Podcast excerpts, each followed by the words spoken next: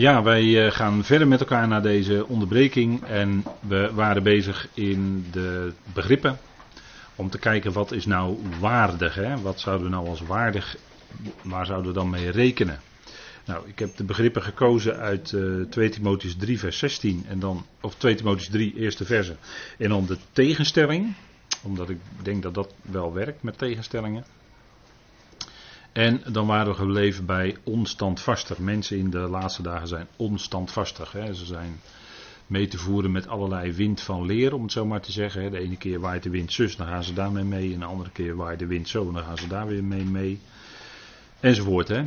Zo zijn mensen als golven van de zee onstandvastig. En wat waardig is dat we standvastig zijn. En dat is vaststaan. Hè. Daar waren we voor de pauze ook al even mee bezig. Met de wapenrusting stand houden. Hè, blijven staan, stand houden in die waarheid. En daar hebben we die wapenrusting voor nodig. Die wapenrusting is hard nodig, ook in deze tijd. Wordt steeds harder nodig, denk ik wel eens.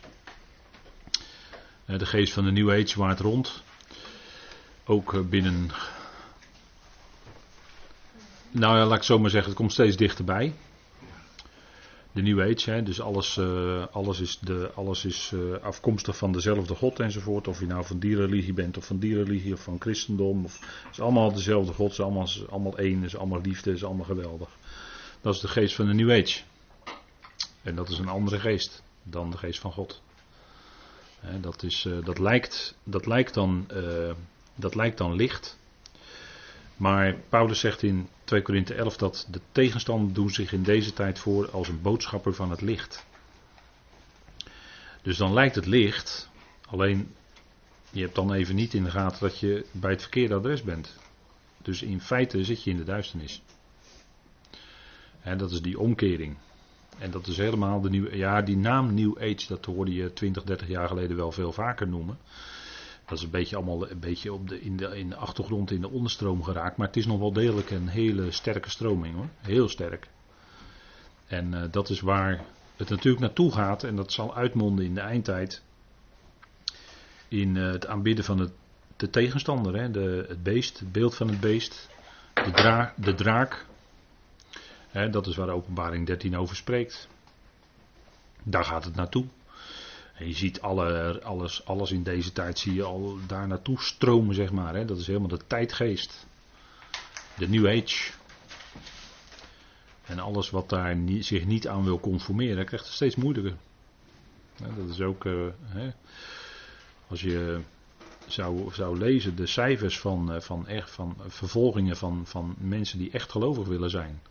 Vervolgingen, ja, misschien niet in ons land niet zo duidelijk. Maar nou ja, soms schrik je wel van dingen.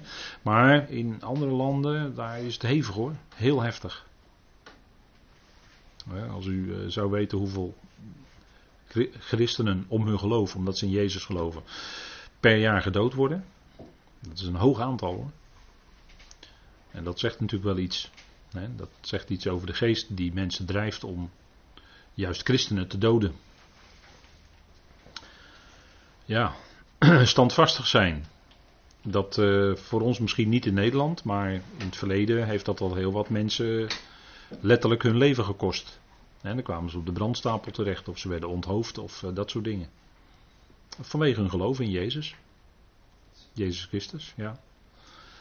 En ja, ik, ik weet niet hoe, hoe ernstig uh, het in ons land wordt. En het is ook helemaal geen reden om dat we bang moeten worden of zo. Maar we letten wel op en we zien in de wereld hoe het allemaal toegaat. Hè? Hoe het uh, voor, voor echte mensen die echt daaraan vast willen houden steeds moeilijker wordt. Hè, ook uh, ook uh, Joodse mensen die echt in Jezus als een Messias geloven en die in Israël wonen, die hebben het daar ook heel moeilijk hoor. Vergist u zich niet. Hè, dan die, die, die worden ook.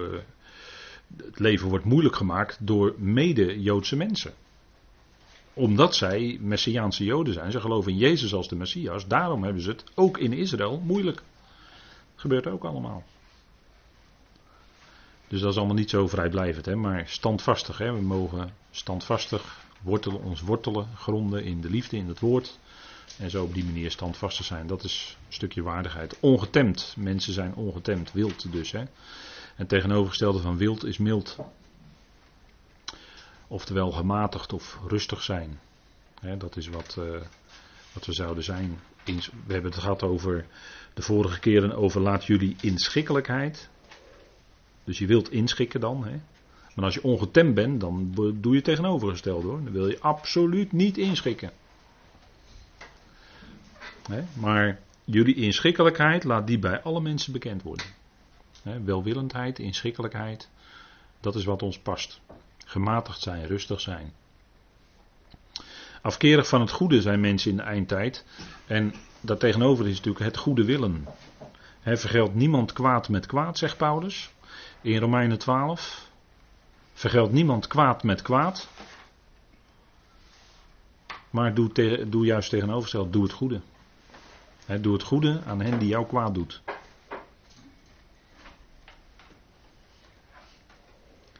Dat is uh, ja, iets met kolen en op je hoofd hopen en zo. Dat soort dingen. maar dat is uh, goed, het goed willen. Goedwillend zijn. Ook daar waar men kwaadwillend is, daar tegenover goedwillend zijn. Dat is moeilijk, want als mens zou je geneigd zijn, je krijgt een tik en je geeft een tik terug. Of je, wordt, je wordt met woorden, je krijgt met woorden een tik, dan, geef je, dan deel je ook met woorden weer een tik uit. Dat gaat dan helemaal niet lichamelijk, maar dan gaat het met woorden. En dat gaat soms nog veel en veel pijnlijker hoor. Want oh, oh, oh, die tong. En Jacobus zei wel iets over de tong, daar heb ik wel eens wat over gelezen. Jacobus 3, hè? Een tong. Dat is een, uh, dat is een roer, hè? Dat is ook een uh, lid wat een, uh, iets in brand kan zetten en zo. En een rat en noem alles maar op. Maar oh, oh, oh, die tong. Ja. Goed willen. Goed willen spreken. Goed willen spreken.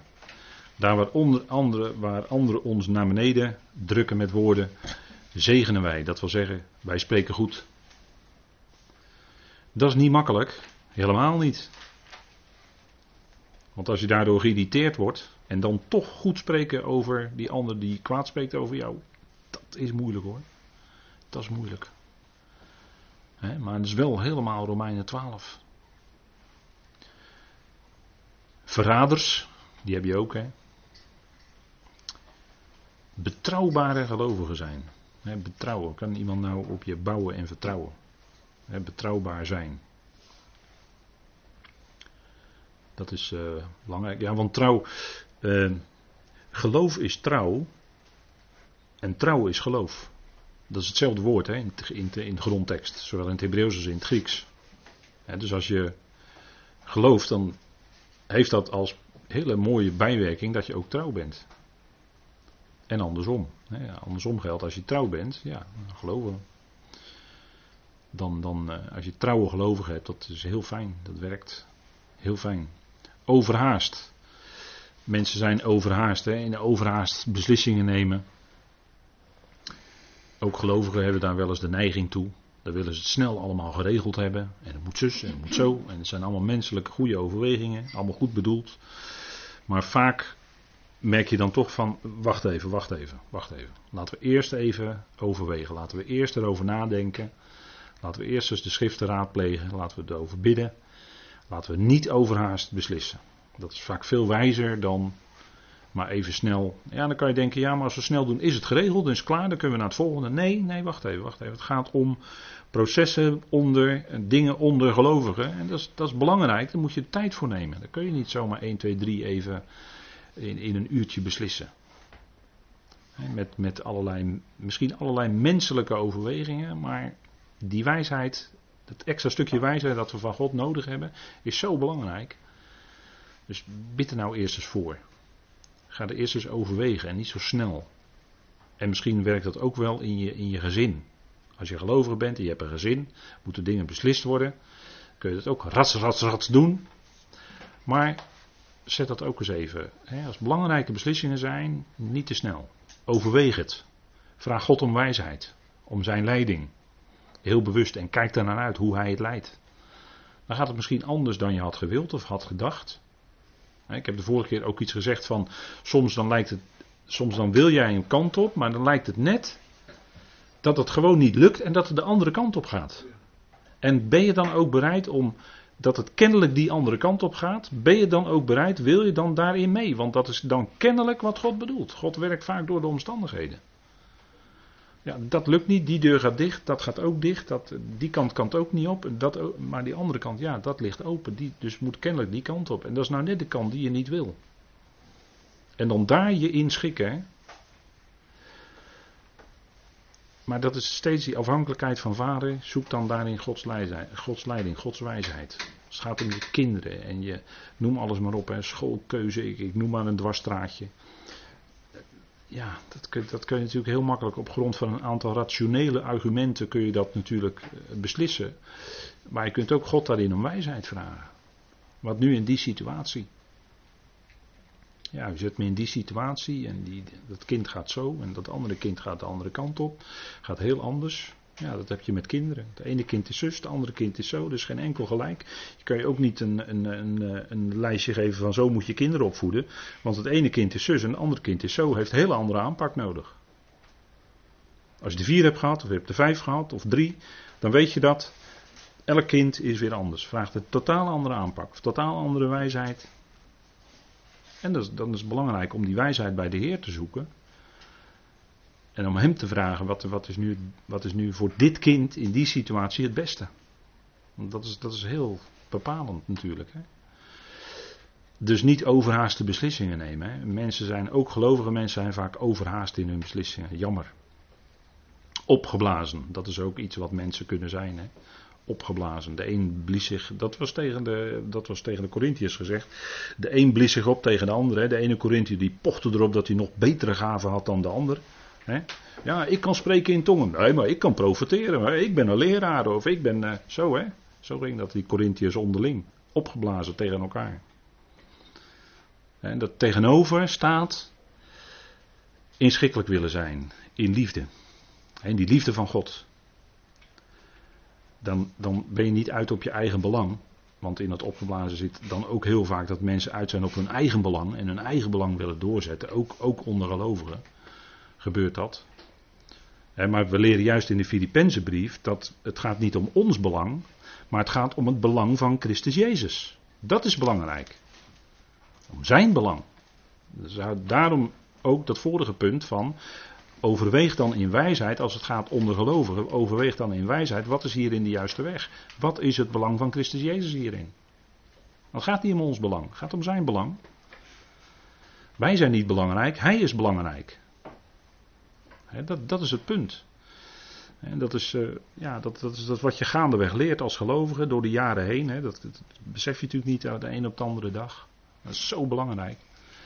En dan uh, meer genot. Hè. De, Paulus noemt dat mensen in de eindtijd hebben meer genot, meer liefde voor genot dan liefde voor God. Hè. Wat staat nou voorop in je leven? Die zucht naar genot. Staat dat nou voorop in je leven als gelovige? Wil je steeds maar genieten, genieten, genieten tot in het oneindige? Ik overdrijf nou een beetje, ik zeg het een beetje gechargeerd natuurlijk. Of maak je ook ruimte in je leven voor God? En natuurlijk, als gelovige mag je genieten van de fijne dingen die God geeft. Natuurlijk genieten van. Ik ga zelf ook wel eens fietsen en dan geniet ik van de natuur om me heen. Prachtig. Maar er zit natuurlijk op een gegeven moment komt natuurlijk raakvlakken. En ja, geef je dan in je leven ruimte en tijd aan, aan de dingen van God, aan God. Of gaat dat, dat genot, dat gaat dat meer op de voorgrond komen? Dat kan op een gegeven moment zelfs gaan botsen in een mensenleven, in, in het leven van een gelovige. En dat is wat liefde voor God. Liefde betekent ruimte geven aan. Liefde betekent geven. Geef je je tijd aan God, Geef je je leven aan God. Nou, als je je leven aan God geeft, dan heeft hij in feite de beschikking over al jouw tijd. En natuurlijk heb je een heleboel verplichtingen in je dagelijks leven. Je werk, je kinderen, je gezin en uh, noem alles maar op. Maar als je leven aan God gegeven hebt, ja, dan heeft hij in feite de beschikking over al jouw tijd. En dat is, dat is dan, de, dan, heb je, dan heeft God volledig de ruimte in jouw leven om jou als instrument in zijn hand te gebruiken. En dat doet hij eh, overal, dat doet hij op je werk, dat doet hij in, uh, waar je ook bent. Maar liefde voor God, ruimte maken. Agape, dat betekent ruimte. Dat betekent geven. En, en, en ik heb de vorige keer ook gezegd van eh, als, het, als het gaat in onderlinge relaties tussen mensen, ehm, dan gaat het om geven. En niet geven en nemen, nee, geven en dan vervolgens weer geven en dan ook geven. Dat is de liefde van God. Ja, zegt u, dat is het ideaal. Ja, maar die liefde van God is het hoogste wat er is. Belangrijkste. Begonnen we vanavond ook mee. God is liefde. Die liefde van God, daar gaat het om. Dat die liefde in ons doorwerkt. En zo doorwerkt dat we van hebbers worden we gevers. Van mensen die naar zichzelf alleen maar naar zichzelf toerekenen, worden het mensen die vrijgevig zijn. En voor de God klaarstaan. En daartegenover, hè, dat is het laatste puntje dan, godsvrucht. Hè. In de laatste dagen hebben mensen een vorm van godsvrucht. Vorm luidt dat alleen op de buitenkant.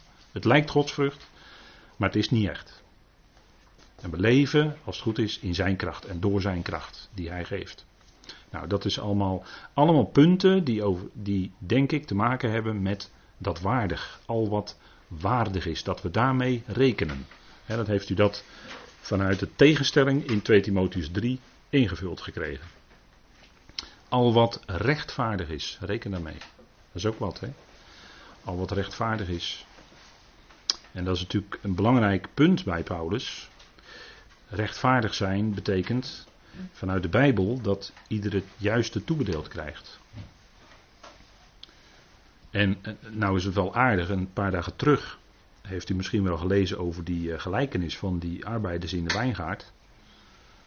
Weet u wel? En dan kregen die eh, van het eerste uur, die kregen één, één penning, hè, één denari. Maar die van het derde uur, die, en het zesde en het negende uur, en zelfs het elfde uur, die kregen ook één denari. En die heer van het huis, dat is natuurlijk de heer zelf, die gaf dat en die zei: nee, dat is rechtvaardig. Dat is wat hij dan toedeelt. Maar zo rekenen wij helemaal niet. Wij rekenen van ja, maar als je één denari krijgt voor een hele dag, dan als jij derde uur begint, eh, even denken hoor, eh, twaalf uur werken, dan krijg je, of acht uur werken, dan krijg je vijf achtste van één denari moet je dan krijgen. Zo rekenen wij, hè? dat vinden wij rechtvaardig. Maar die gelijkenis, die haalt daar gewoon een hele streep doorheen. Die heer van huis, die geeft, die geeft gewoon wat hij wil toedelen. En dat is rechtvaardig. En wij zijn eigenlijk niet van het elfde uur, maar wij zijn eigenlijk van twaalf uur. Wij hebben helemaal niet gewerkt. Want wij vallen buiten die gelijkenis. Die gelijkenis gaat over Israël, diverse groepen. In uh, Matthäus 20. Maar wij vallen eigenlijk buiten die gelijkenis. Wij hebben helemaal niet gewerkt. Wij zijn van twaalf uur. En wij krijgen zelfs nog meer dan die werkers van Israël. Ja, dat is Gods, zo, zo doet God dat. Dat is Gods rechtvaardigheid. Hij rekent geloof tot rechtvaardigheid. En dan ben je de rijkste die er is. Ook al heb je geen cent op de bank. Dan heb je geen cent te makken, zeggen we dan. Hè? Maar dan ben je de rijkste die er is hoor. En dat is, kijk, Gods rechtvaardigheid is anders dan wat wij als recht achten. En daar zijn we heel goed in Nederland van. Ieder moet precies hetzelfde krijgen. Iedereen is gelijk. Hè? Dat zeggen we heel sterk vanaf de Franse Revolutie. Iedereen is gelijk. Daar is heel veel op af te dingen hoor, die uitspraak. Iedereen is gelijk. Dus moet iedereen precies evenveel krijgen. Ja, zo, zo, zo werkt het bij God niet. Maar hij geeft wat hij rechtvaardig acht. En hij rekent ook anders dan dat wij rekenen. En, en dat is wat, ja, kijk, rechtvaardig zijn. er zijn mensen die zijn heel erg eh, rechtvaardig. En zo rechtvaardig dat ze anderen voor de rechter slepen. Ook medegelovigen. Want er moet recht gedaan worden. Anders is, eh, is hun onrecht gedaan, maar er moet door rechtvaardigheid, eh, vuist op tafel, er moet rechtvaardigheid gebeuren. Paulus zegt, waarom leid je niet liever onrecht? Waarom sleep je elkaar naar de wereldlijke rechter? Is er dan geen broeder in de gemeente die wijs is en die een uitspraak kan doen? Ga je de wijsheid bij de wereld halen? Terwijl je de wijsheid bij God zou halen. He, zo, dat zegt hij tegen die Corinthiërs, die waren bezig naar het vlees. En die wilden op die manier hun, hun recht halen, rechtvaardig zijn. Ja, maar dat werkt toch wel anders. En dan is uh, voor een rechtvaardige, is eigenlijk de weg van waarom leid je niet liever onrecht? Waarom laat je je niet tekort doen? Ja, maar ik word tekort gedaan en dit en dat en hier tekort en daar te lang en noem maar op. Waarom laat je niet liever tekort doen? Dat is de, de weg van, ja, dat is de weg van inschikkelijkheid, van onderschikking. Het komt, bij de Bema komt dat, wel, komt dat wel terecht. En dan kun je het gewoon aan God overlaten. De Heer zal op de Bema dan dat doen wat goed is. En de Heer weet alle overwegen, die kent alle harten, die kent alle motieven. En dat zal bij de Bema wel blijken. En daar kunnen we van tevoren elkaar niet op beoordelen of we hoeven onszelf ook niet te rechtvaardigen. Maar bij de Bema komt dat terecht. En dat is, uh, ja. Kijk, degenen die uh, rechtvaardig zijn, die hebben geen, uh, zei de Heer ook, hè, die hebben geen redding nodig, die zijn al rechtvaardig. Hè, maar juist die zondaren, die zocht hij. En die redde die. Dat is het bijzondere van het evangelie. Al wat rechtvaardig is, al wat recht is naar het evangelie. En dat kan in de ogen van de wereld misschien wel eens krom lijken. Maar dan ga je toch net een andere weg. Wonderlijk hoe dat dan uit kan werken hè, in, eh, in de praktijk. En dan al wat zuiver is. Dat ook daarmee rekenen, hè, wat zuiver is. En wat zuiver is, daar zit geen bedrog in. Je kan, als, uh, je kan een onzuivere weegschaal, uh, Spreuken zegt er iets over. Een zuivere weegschaal is voor de Heer aangenaam. En je zou geen, uh, geen bedriegelijke weegschaal hanteren. je kan bijvoorbeeld in, het, in, het, in business, kan je bijvoorbeeld, um, ik noem maar wat. Je kan zeggen van dit is zuiver sinaasappelsap. Geperst zuiver sinaasappelsap. Zo kan je het verkopen. Maar de ander weet niet, degene, de koper weet niet dat jij er bij elke liter, dat jij uh, tien, uh, dat jij een gedeelte daarvan water hebt bijgemengd. Dat weet men niet.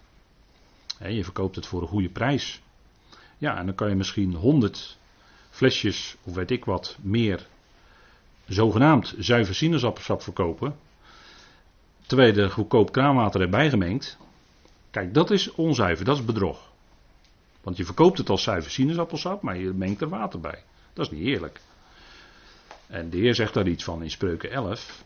Dat een zuivere weegschaal of een zuivere weegsteen zouden we hanteren. Zo, op die manier. Dat is even een simpel voorbeeld uit dagelijks leven, hè, hoe, je, hoe je handel kan doen.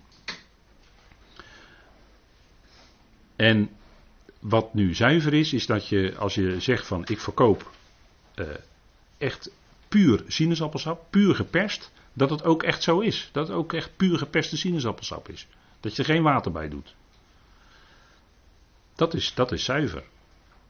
Nou, Paulus zegt al wat zuiver is. Hè, wees zuiver. Dat zegt hij ook bij gelegenheid tegen Timotheus. Leg niet de ander, en dat ging in die tijd zo. Want handoplegging is natuurlijk ook een item. Hè, maar in die tijd werd het bij gelegenheid gedaan.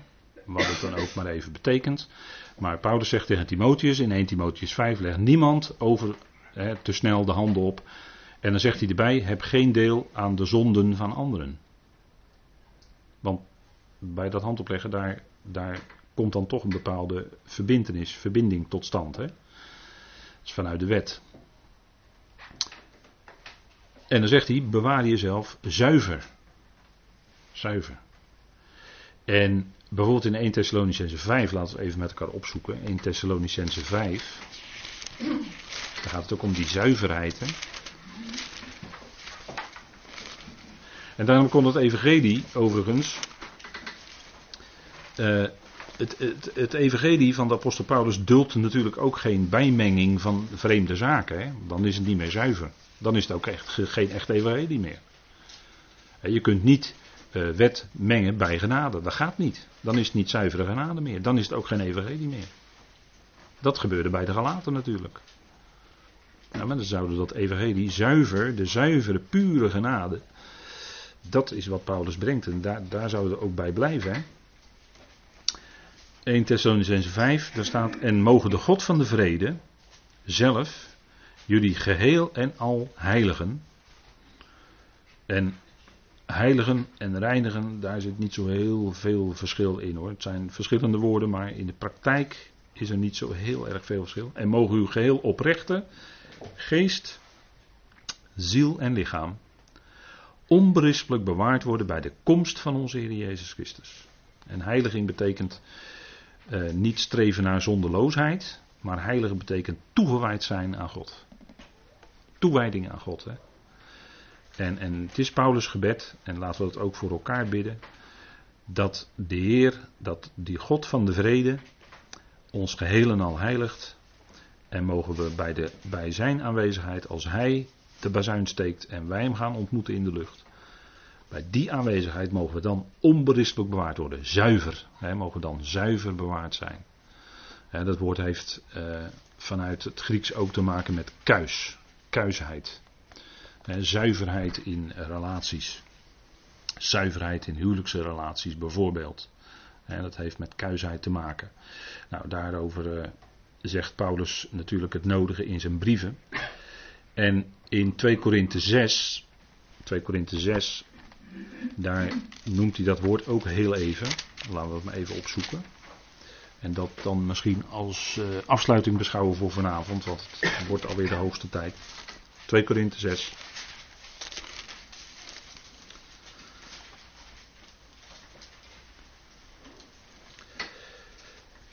En dan noemt Paulus op wat hem overkwam. Hè.